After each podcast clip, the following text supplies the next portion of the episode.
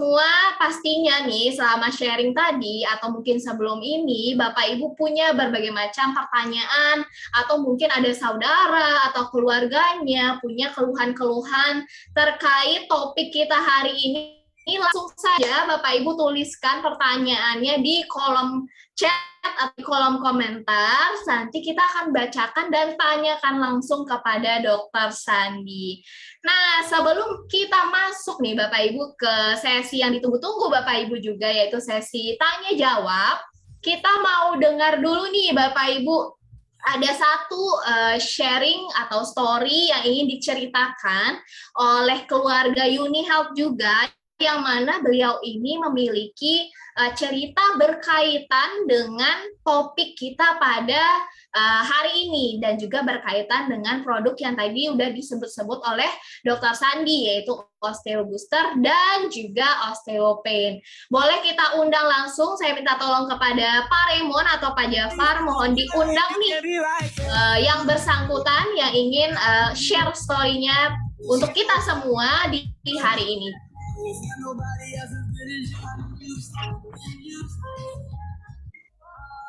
Yes, oke. Okay. Nah, saya mau sapa-sapa dulu nih. Ini langsung uh, ini testimoni kita kali ini luar, luar biasa ya. Ini jauh nih dari pematang siantar ya. Nah, hari ini uh, kita mau dengar nih salah uh, testimoni dari Bu uh, Sarmet Nababan ya. Nah, beliau ini juga punya beberapa pengalaman khususnya di grupnya Bu Sarmet ya. Ada beberapa member-membernya yang sudah merasakan testimoni dari kedahsyatan uh, produk uh, yang disampaikan oleh Dokter Sandi tadi ya. Nah untuk itu Bapak Ibu semuanya, uh, saya mau sapa dulu nih, uh, welcome Bu Sarmet Nababan. Apa kabar Bu Sarmet? Sehat Pak Lemon. Yes, nah Bu Sarmet, Uh, ini kan kita mau dengar nih, tadi kan Dokter Sandi uh, sudah uh, sampaikan ya beberapa kedahsyatan produk uh, osteopain khususnya ya. Nah, uh, saya dengar-dengar juga Bu Sarmet di grupnya Bu Sarmet juga ternyata banyak ya member-member yang sudah juga merasakan kedahsyatan dari produk tersebut ya. Nah, mungkin Bu Sarmet bisa cerita uh, berbagi dengan uh, Health Family ada 133 orang hari ini yang uh, mau mendengarkan kedahsyatan uh, produk tersebut. Sampai mungkin bisa uh, sharing sedikit dengan kita. Oke Pak, Pak Raymond terima kasih kesempatannya. Jadi makasih juga buat Dokter Sandi pemaparan uh, luar biasa yang tidak saya mengerti, makin mengerti hari ini. Kebetulan bagian sendi memang saya lumayan agak-agak buta gitu kan. Jadi tapi karena pengalaman-pengalaman konsumen jadinya mau tidak mau harus belajar.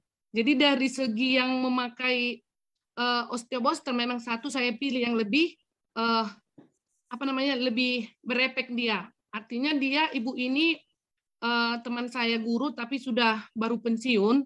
Berat badannya memang lumayan uh, untuk usia dia udah terlalu berat karena gemuk. Jadi setiap setiap berapa bulan sekali ibu ini ke Penang biasanya sebelum COVID untuk suntik katanya minyak untuk di lutut. Saya pun kemarin kurang mengerti juga baru ini tadi pemaparan dari dokter uh, mengerti lumayan mengerti. Jadi lututnya itu harus disuntik katanya supaya ada minyaknya gitu. Jadi kemarin itu saya belum ibaratnya saya hanya memperkenalkan osteoboster ini. Jadi saya kasih kemarin ibu itu hanya dua papan. Dua papan artinya berarti ada 12 12 kapsul. Nah, jadi awalnya saya ajarin memang dua kali satu karena kan masih permulaan. Jadi dan itu hanya osteoboster. Pada saat ibu itu minum, dia jalan sudah tidak bisa, artinya dia duduk dengan berat badannya yang sangat berat untuk berdiri sangat sakit nampaknya karena saya melihat sendiri kondisinya. Nah, setelah saya tinggalkan yang dua dua apa namanya dua uh, papan tadi yang 12 kapsul itu masih dua hari ibu itu langsung telepon. Saya minumnya enakan kaki saya. Saya bisa berjalan rasa sakit yang kemarin waktu Sarmet datang ke rumah lumayan, belum sembuh, artinya lumayan, berarti ada uh, pengurangan darah sakitnya. Ibu itu jadinya memesan uh, dua kotak dan di setiap bulan ibu itu jadi memesan. Hanya osteoboster belum pakai osteopen. Karena memang saya tanya kalau sakit kali bisa kita tambah dengan osteopen. Rupanya dengan osteoboster, puji Tuhan, ibu itu sekarang malah kalau untuk jalan-jalan sore sudah sanggup dia yang tadinya dia hanya duduk uh, tidak bisa beratnya kalau mau berdiri pun dia harus ada membantu karena kan lututnya itu sakit katanya untuk berjalan. Jadi itu untuk yang sendi Pak. Kalau yang lain-lain memang karena hanya untuk menjaga belum separah ibu ini di grup saya pemakai osteoposter lumayan banyak dan tidak ada keluhan sama sekali bahwa dengan osteoposter itu tidak ada yang berkembang. Semua mengatakan lumayan. Mungkin di sini pun ada juga ini satu orang juga member saya yang orang tuanya juga uh, ada keluhan sendi Mana tahu bisa ada Sonita juga membuat testimoni, tapi dengan testimoni yang sama mungkin di grup saya seperti itu Pak. Jadi sekarang sudah enakan Ibu itu jalan dengan yang biasa dia suntik di lututnya. Terima kasih. Usia uh, sebelumnya Bu Sarmet usia berapa Bu Sarmet? Sekarang Ibu itu usia 63 tahun Pak. Oh, 63 tahun ya? Ah, 63 uh, tahun. Uh, berat badan kalau boleh tahu, mohon maaf sekitar berapa Bu Sarmet? Kalau ancang-ancang saya saya bandingkan dengan berat badan saya mungkin Ibu itu ada di 90 mungkin Pak. Oke. Wow. Tapi dia pendek, pendek gemuk gitu Pak. Oke, memang persendiannya harus ekstra kerja keras ya?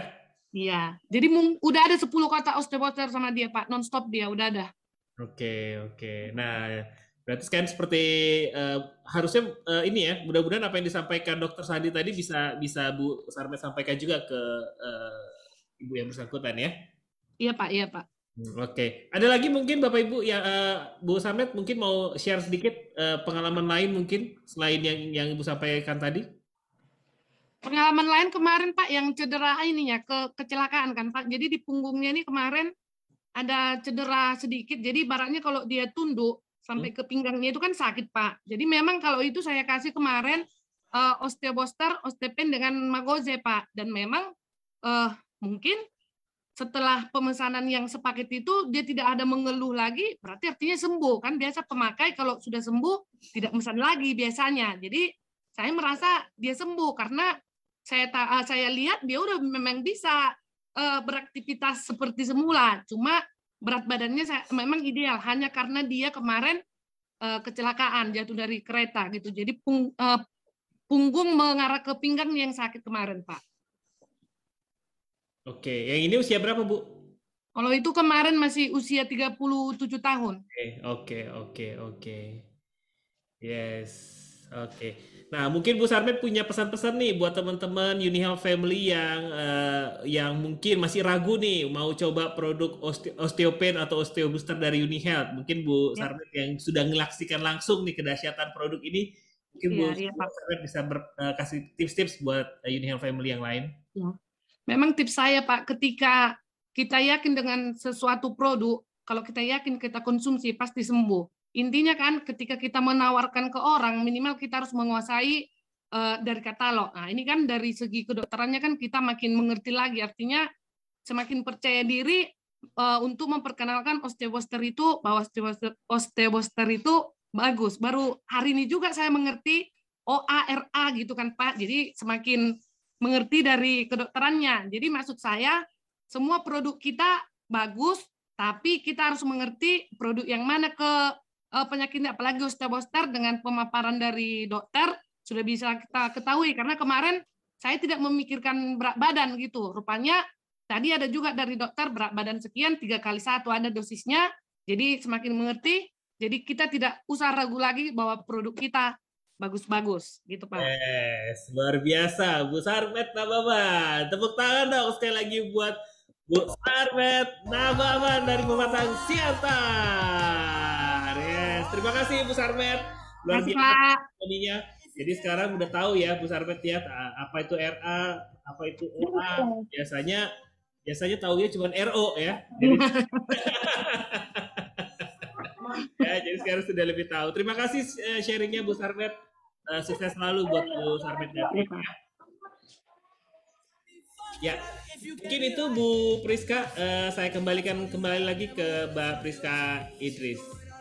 Oke, baik. Terima kasih Pak Remon dan Bu Sarmet. Ceritanya sangat-sangat menarik nih Bu. Dan kita jadi ada nih bukti uh, bukti nyatanya di lapangan bagaimana pemakaian osteo booster dan juga osteopain dalam penyembuhan dan perbaikan kondisi baik tulang dan persendian begitu ya Bu ya.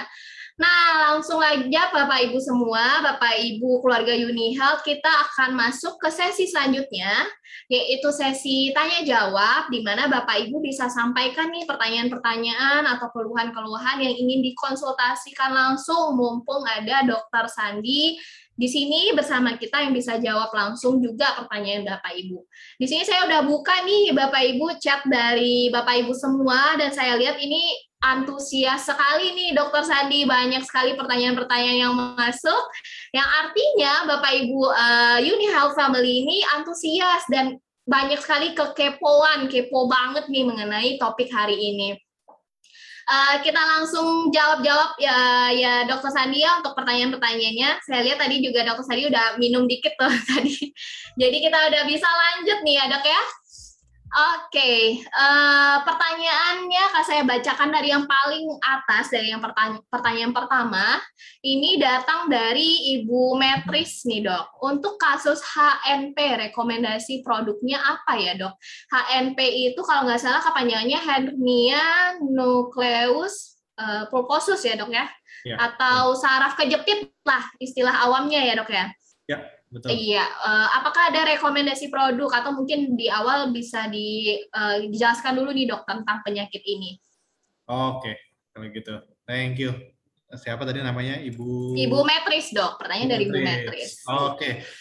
wah ini pertanyaannya berat juga nih Bu Metris nih ya. Kalau HNP memang itu tadi kan uh, saraf kejepit ya. Prinsipnya kalau bahasa medis tuh hernia nucleus pulposus ya. Nah kalau dari uh, penyebabnya sendiri, ya jelas ini udah berbeda dengan uh, apa namanya OA maupun RA yang tadi kita alamin. Ya, kalau OA maupun RA, yaitu kan uh, jelas dia problemnya di sendi dan tulang. Ya, nah kalau si HNP ini sendiri, dia problemnya ada di neuro, jadi persarafan. Ya, nah uh, salah satunya gejalanya memang dia nyeri sih. Ya, itu yang paling kelihatan itu nyeri. Jadi uh, umumnya nyerinya itu di mana sih? Di uh, tulang belakang, ya. Uh, sedikit uh, arahnya mendekati bokong, ya. Jadi uh, setinggi itulah kurang lebih, ya. Itu nyeri banget. Kadang-kadang uh, buat berdiri juga salah, buat duduk juga salah, ya. Nah ini nanti kalau untuk produk-produk jelas itu nanti kita akan arahkan untuk yang uh, buat produk penghilang nyerinya ya pasti nanti yang jelas. Kalau yang lain-lainnya, hmm, apa ya? Mungkin saya juga belum terlalu banyak hafal ini produknya ya, tapi mungkin kita bisa nanti uh, kasih osteopain dulu ya untuk produk Unihealth karena uh, nanti itu uh, osteopain sekali lagi itu nanti akan mengurangi rasa nyeri ya untuk uh, bagian tulang uh, bagian tulang yang di bagian belakangnya situ sih. Tapi itu sebetulnya nanti tidak mengobati uh, HNP-nya ya untuk uh, ya yang, yang perlu saya tegesin karena HNP itu nanti uh, ujung-ujungnya harus dioperasi. Jadi obat yang sementara kita bisa kasih nanti osteopain itu nanti untuk mengurangi rasa nyerinya aja sambil nanti dia menunggu waktu untuk dioperasi. Ya, kurang lebih itu mungkin kalau Bu Priska ada uh, ini bayangan ada produk-produk yang lain, tapi kalau saya yang mungkin saya yang bisa saya gunakan sementara osteopain dulu. Oke, baik. Uh, terima kasih untuk Dokter Sandi. Iya betul. Jadi untuk Bu Metris biasanya ya dok ya untuk tindakan dari saraf terjepit itu salah satunya adalah surgery atau dioperasi ya dok. Nah biasanya juga kita rekomendasikan dikombinasikan nih dok antara osteopain dan juga uh, neurodial. Jadi neurodial ini salah satu produk kita goal untuk uh, bagian terapi neuro atau neuroseries Nah, jadi ini untuk perbaikan sarafnya sembari menunggu treatment uh, lebih lanjut mengenai saraf terjepit ini. Ya.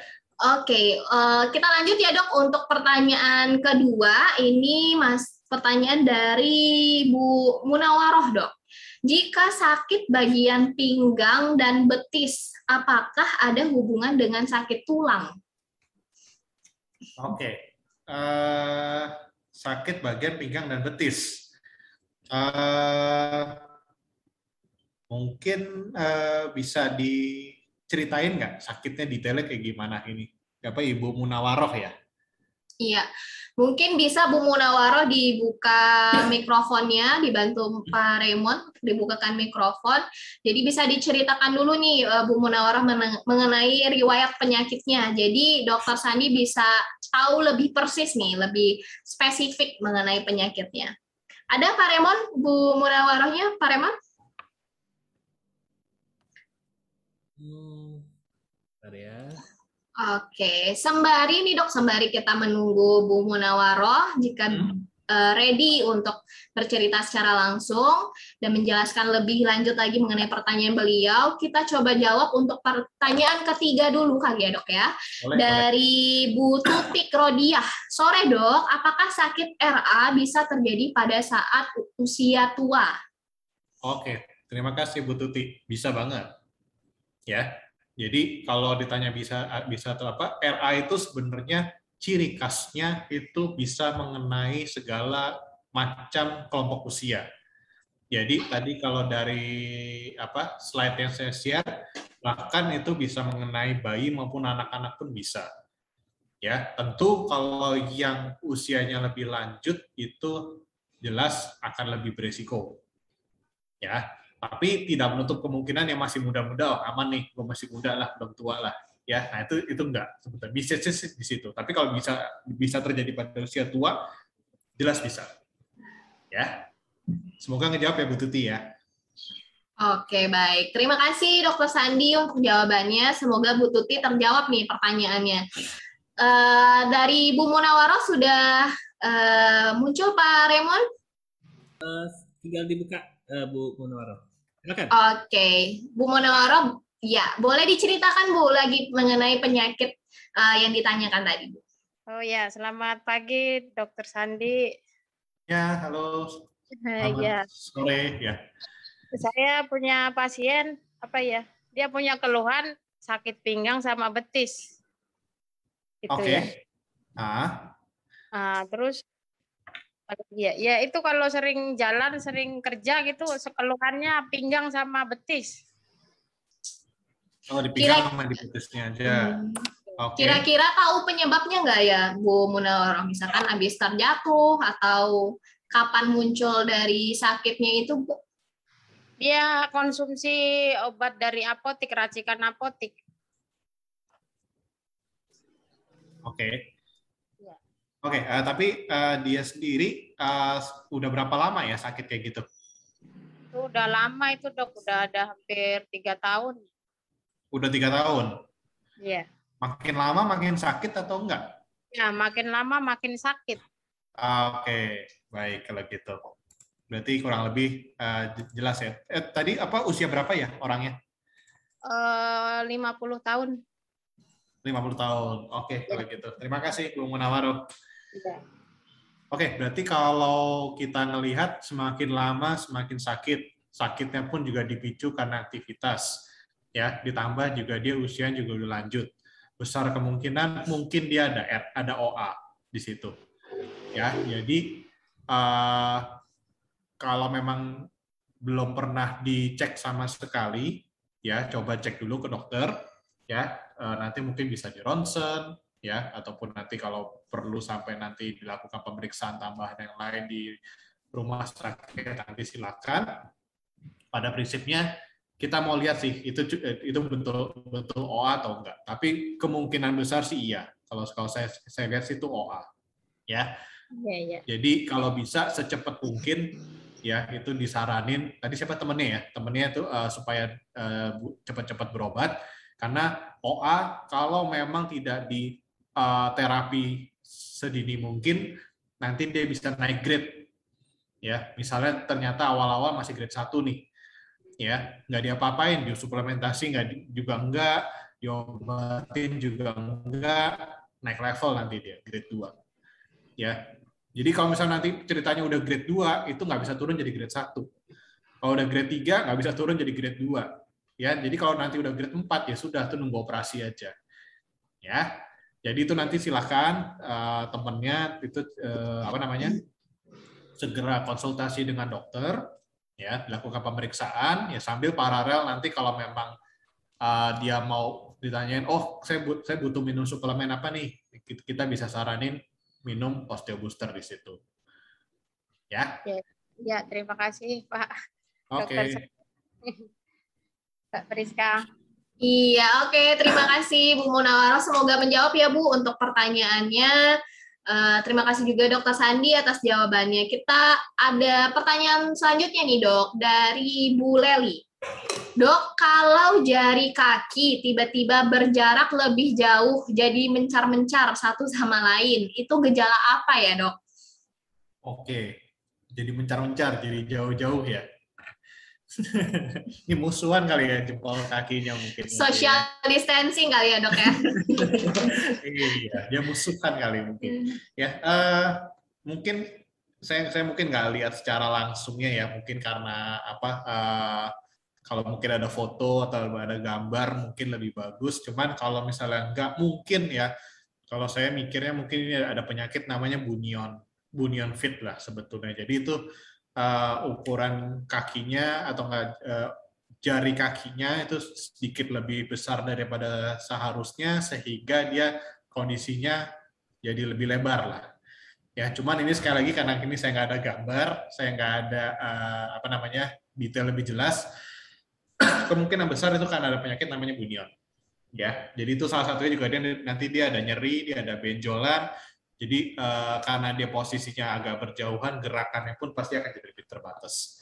Dan yang mungkin agak jengkelin ya, biasanya kalau kayak begini nih, kalau agak mencar-mencar terlalu jauh, mau pakai sepatu atau pakai sendal tuh rasanya rasanya nggak enak deh gitu. Ya, kurang lebih itu deh. Mungkin semoga bisa ngejawab ya. Oke, kira-kira bisa direkomendasikan untuk osteo booster atau osteopain nggak ya dok itu? Nah, kalau nyeri jelas. Silakan. Nanti kita kita kasih osteopain itu kan memang salah satu gejalanya itu nyeri. Ya. Osteo booster silakan boleh. Tapi sebetulnya urgensinya nomor satu kalau menurut saya sih dirasa sakitnya dulu. Ya. Ya, baik. Untuk Ibu Leli, bisa tuh Bu direkomendasikan juga untuk menghilangkan rasa nyerinya, mengatasi rasa nyerinya, uh, bisa direkomendasikan osteopain dan juga osteobooster juga akan lebih baik lagi. Uh, ada pertanyaan selanjutnya nih dok dari Ibu Christina Melti. Dok, kalau untuk kaki yang pernah patah, bisakah? Mungkin pertanyaannya ini bisakah konsumsi produk yang tadi kita bahas nih dok, okay. osteobooster okay. dan osteopain? Oke, okay. terima kasih. Bisa, tapi mungkin uh, lihat kondisinya ya. Tapi kalau memang dia nggak ada nyeri, mungkin osteopain nggak gitu diperluin. Cukup osteo booster. Tapi kalau memang dia ada nyeri juga, ya itu nanti kita bisa kasih osteopain juga. Ya, jadi silakan. Karena memang prinsipnya kan kalau osteo booster itu dia suplementasi glukosamin sama chondroitin. Terlepas nanti patahnya di mana, itu pasti akan ada tulang rawan yang terlibat di situ. Nah, itu salah satu glukos, eh, salah satu benefitnya kita mengkonsumsi glukosamin itu nanti untuk menjaga kesehatan dari tulang rawan itu sendiri. Ya, semoga itu siapa Bu Kristina ya, semoga bisa menjawab ya Kristina ya. Oke, okay, baik Bu Kristina boleh uh, Bu Kristina boleh dikombinasikan uh, nih konsumsi osteo booster dan uh, osteopain jika masih ada juga rasa nyerinya. Jadi kombinasikan kedua produk tersebut. Uh, lanjut lagi ya dok ya, uh, masih ada beberapa pertanyaan lagi nih dok dari uh, Bu Yanti nih dok. Sore dok, kalau sendi dan jari nyeri, kaku, kenapa ya kalau di lab uh, cuma rematik dikasih obat, uh, dikasih obatnya osteolox dan sanexon, tapi kalau habis nyeri, kalau habis nyeri lagi. Terus saya minum osteopain juga belum sembuh. Oke. Osteologs ya. Uh, kalau apa namanya kalau Sanexon kan itu dia kortikosteroid ya. Yeah. Kalau si osteolox itu oh dia meloxicam ya kalau kalau nggak salah. Kalau nggak salah meloxicam ya osteolox sih. Saya lupa deh. Ya itu penghilang nyeri juga sih kalau osteolox. Oke. Okay. Uh, eh, dan dia udah minum um, Bu Yanti udah minum osteopin tapi juga belum sembuh. Oke, okay. nyeri sama kaku. Nah ini kalau kakunya sendiri sebenarnya ini khas untuk RA ya tapi sekali lagi kita pada saat mau menegakkan diagnosisnya RA itu nanti butuh pemeriksaan lab juga sih sebetulnya. Nah ini kalau memang udah dikatakan rematik ya oleh ini ini berobatnya di lab ya di lab cuman rematik. Oke jadi kalau memang udah sempat uh, ternyata dibilang udah rematik nih ya saya saya, saya nggak tahu ya kalau memang nanti udah didiagnosa sebagai rheumatoid arthritis sebetulnya nggak nggak cukup dua obat ini aja sih sebetulnya obatnya. Karena RA sendiri salah satunya kan tadi penyebabnya karena autoimun. Ya, jadi nanti uh, kita memang mesti mengobati dari sistem imunnya juga. Ya, nanti bisa nanti pakai obat yang tadi namanya DMARD, kalau enggak pakai imunosupresan tadi. Ya, tapi ini make sure dulu ya, pastiin dulu ya, ini benar-benar rheumatoid arthritis atau enggak. Ini kan karena ngomongnya rematik doang nih di lab nih. Ya, kalau memang udah tegak diagnosisnya betul rheumatoid arthritis, Nah, itu nanti butuh obat-obatan lain selain osteolox maupun sanexon. Ya, jadi kalau cuma minumnya ini ini ceritanya nih yang dikasih nih cuma kortikosteroid sama penghilang nyeri. Osteopain pun juga penghilang nyeri. Ya, jadi itu kurang sebetulnya. Jadi akar akar penyebabnya si RA-nya itu kita belum dapat, kita belum obatin. Ya. Semoga bisa menjawab ya Bu Yanti ya. Iya, baik. Untuk Bu Yanti, jadi kalau memang nih diagnosisnya sudah tegak, yaitu uh, sudah dipastikan penyakitnya rematik, jadi yang pertama sekali yang harus kita atasi adalah akar masalahnya. Tadi dokter Sandi di awal udah jelaskan perbedaan OA dan RA tadi, salah satunya RA karena autoimun atau ada dari imunnya. Jadi untuk uh, mengobati akar masalahnya perlu uh, untuk menekan dari imunnya tersebut. Bisa dari imunosupresan atau demar dari obat demar. Lalu yang kedua pastinya rasa nyerinya. Nah, tadi Bu uh, Yanti sudah dapat tuh obat-obatan nyeri ataupun kalau konsumsi osteopen sebagai pembantu untuk mengatasi nyerinya, tadi juga ada kita lihat nih bukti klinisnya itu akan optimal dirasakan jika telah menggunakannya secara rutin selama 4 minggu sampai 8 minggu. Jadi sebaiknya kalau memang sudah minum osteopen dirutinkan Bu, dirutinkan dan nanti akan kelihatan tuh manfaatnya atau hasilnya setelah pemakaian rutin 4 sampai 8 minggu. Oke, baik. Uh, terima kasih Dokter Sandi untuk uh, jawabannya dan semoga terjawab juga nih pertanyaan dari Bu Yanti ya Bu ya. Uh, langsung saja nih dok, kita jawab pertanyaan dari di bawahnya ada Bu Dewi. Glukosamin dan kondroitin hanya mengurangi ya dok, tidak bersifat kuratif. Oke, ya. Jadi prinsipnya glukosamin, kondroitin ini adalah suplemen masuknya. Jadi uh, suplemen itu nanti uh, tujuannya kita akan membantu kesehatan. Ya ataupun misalnya kalau misalnya bapak atau ibu keluarga Uni Health ada yang mengalami rasa sakit suplemen ini nanti akan membantu mengurangi rasa nyeri. Ya nah itu sifatnya tentu tidak mengobati. Jadi makanya tadi saya prinsipnya mau OA maupun RA ya itu sebisa mungkin sedini mungkin kelihatan. Tegak dulu udah jelas dulu. Supaya apa jadi kalau memang kita ternyata ini masih masih awal, derajatnya masih awal, kita cukup obatin pakai suplemen. Nggak usah pakai, obat-obatan kimia yang berat. Ya, tapi kalau memang ternyata nanti udah stadiumnya tinggi, ya jelas nanti suplemen pun uh, rasanya kurang. Kita butuh uh, lini pengobatan yang lain. Ya, jadi yes kalau menjawabnya hanya mengurangi, ya. Kalau kuratif enggak memang.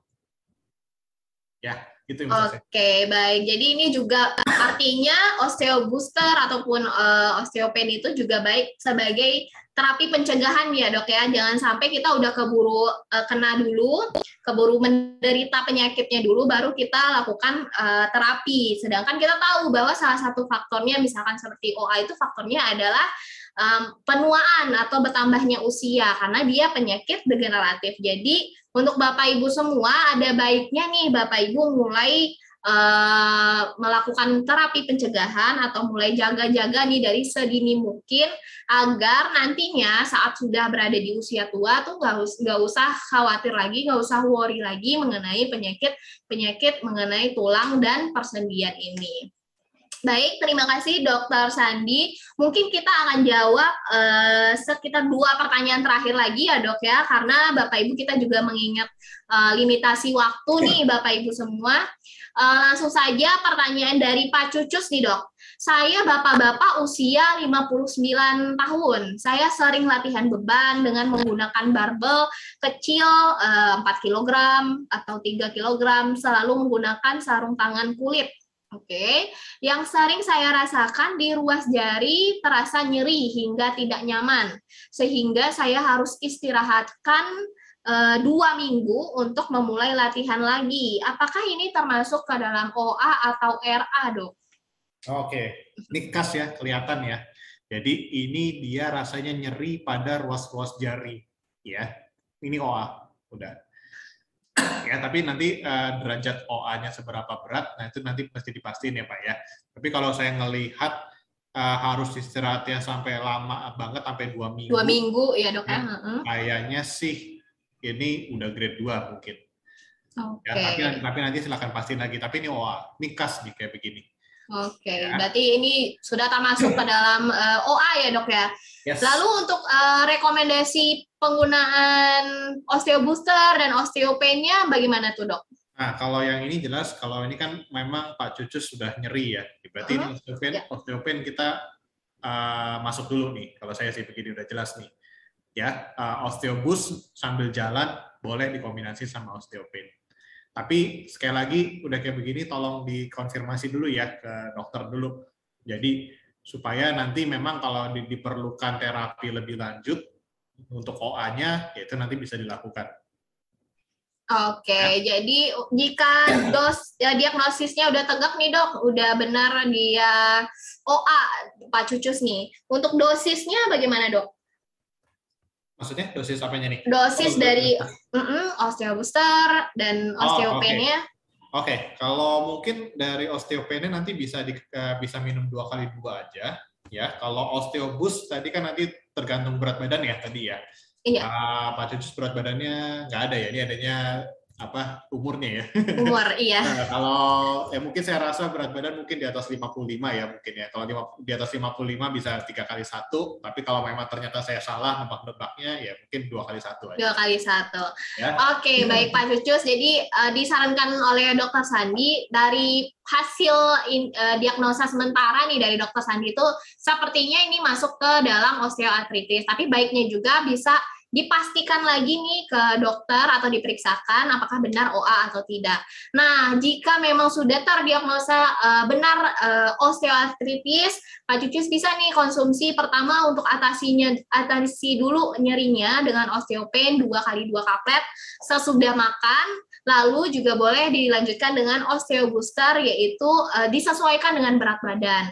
Uh, dari kalau di atas 55 kg bisa tiga kali satu kaplet, kalau di bawah 55 kg bisa dua kali satu kaplet. Oke, okay, uh, eh, Dokter Sandi, mungkin kita akan menjawab satu pertanyaan terakhir lagi, Dok, dari keluarga Uni Health. Ini pertanyaan terakhir dari uh, Bu Nasri, Bu Nasri Tirta Nadiman. Untuk penderita diabetes, apakah boleh nih, Dok? Oke. Kalau apa untuk osteopain itu bisa karena kurkumin sendiri itu uh, secara penelitian itu mempunyai benefit yang bagus untuk diabetes. Kalau nggak salah tadi slide saya ada deh yang di mana ya? Nah, saya share sekalian nih. Nah, nih di sini ya, tuh untuk diabetes ini pun ini sebenarnya baik. Ya, kalau kurkuma memang di beberapa penelitian itu ya ini kalau mau dilihat di sini efeknya buat kanker pun ada, buat penyakit inflamasi ada, buat penyakit kulit, penyakit uh, neuro, penyakit jantung, penyakit uh, metabolik dan lain sebagainya itu itu semua bagus kurkuma. Ya, jadi uh, silakan. Jadi kalau siapa tadi namanya Bu Bu Nur. Eh, sorry siapa namanya tadi ya? Bu Nasri dok. Bu Nasri, oke, sorry, saya, saya hilang malah jadi chatnya. Nah, kalau dari Bu Nasri memang mempunyai kebutuhan untuk konsumsi osteopet itu silakan ya. Kalau untuk glukosamin dan kondroitin pun sampai sejauh ini saya belum pernah baca ada efek sampingnya serius pada saat digunakan pada pasien diabetes. Ya, kalau mangan sendiri saya pernah baca itu justru malah bisa membantu pasien diabetes juga sih sebetulnya karena kan sifatnya ada antioksidannya. Ya, tapi kalau untuk aman atau enggaknya sejauh ini saya belum ketemu uh, apa hal-hal yang merugikan ya pada saat kita mengkonsumsi bahan aktif tersebut. Jadi silakan. Oke, baik. Terima kasih untuk jawabannya Dokter Sandi di Q&A session kita pada hari ini.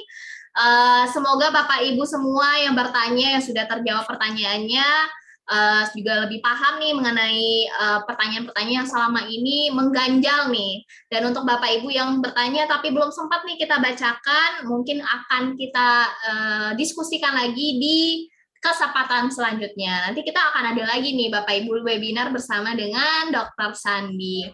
Oke, uh, terima kasih banyak Dr. Sandi untuk waktunya untuk sharing bersama keluarga Unihal semua. Boleh Bapak Ibu applause-nya dari jauh juga nggak apa-apa Bapak Ibu semuanya.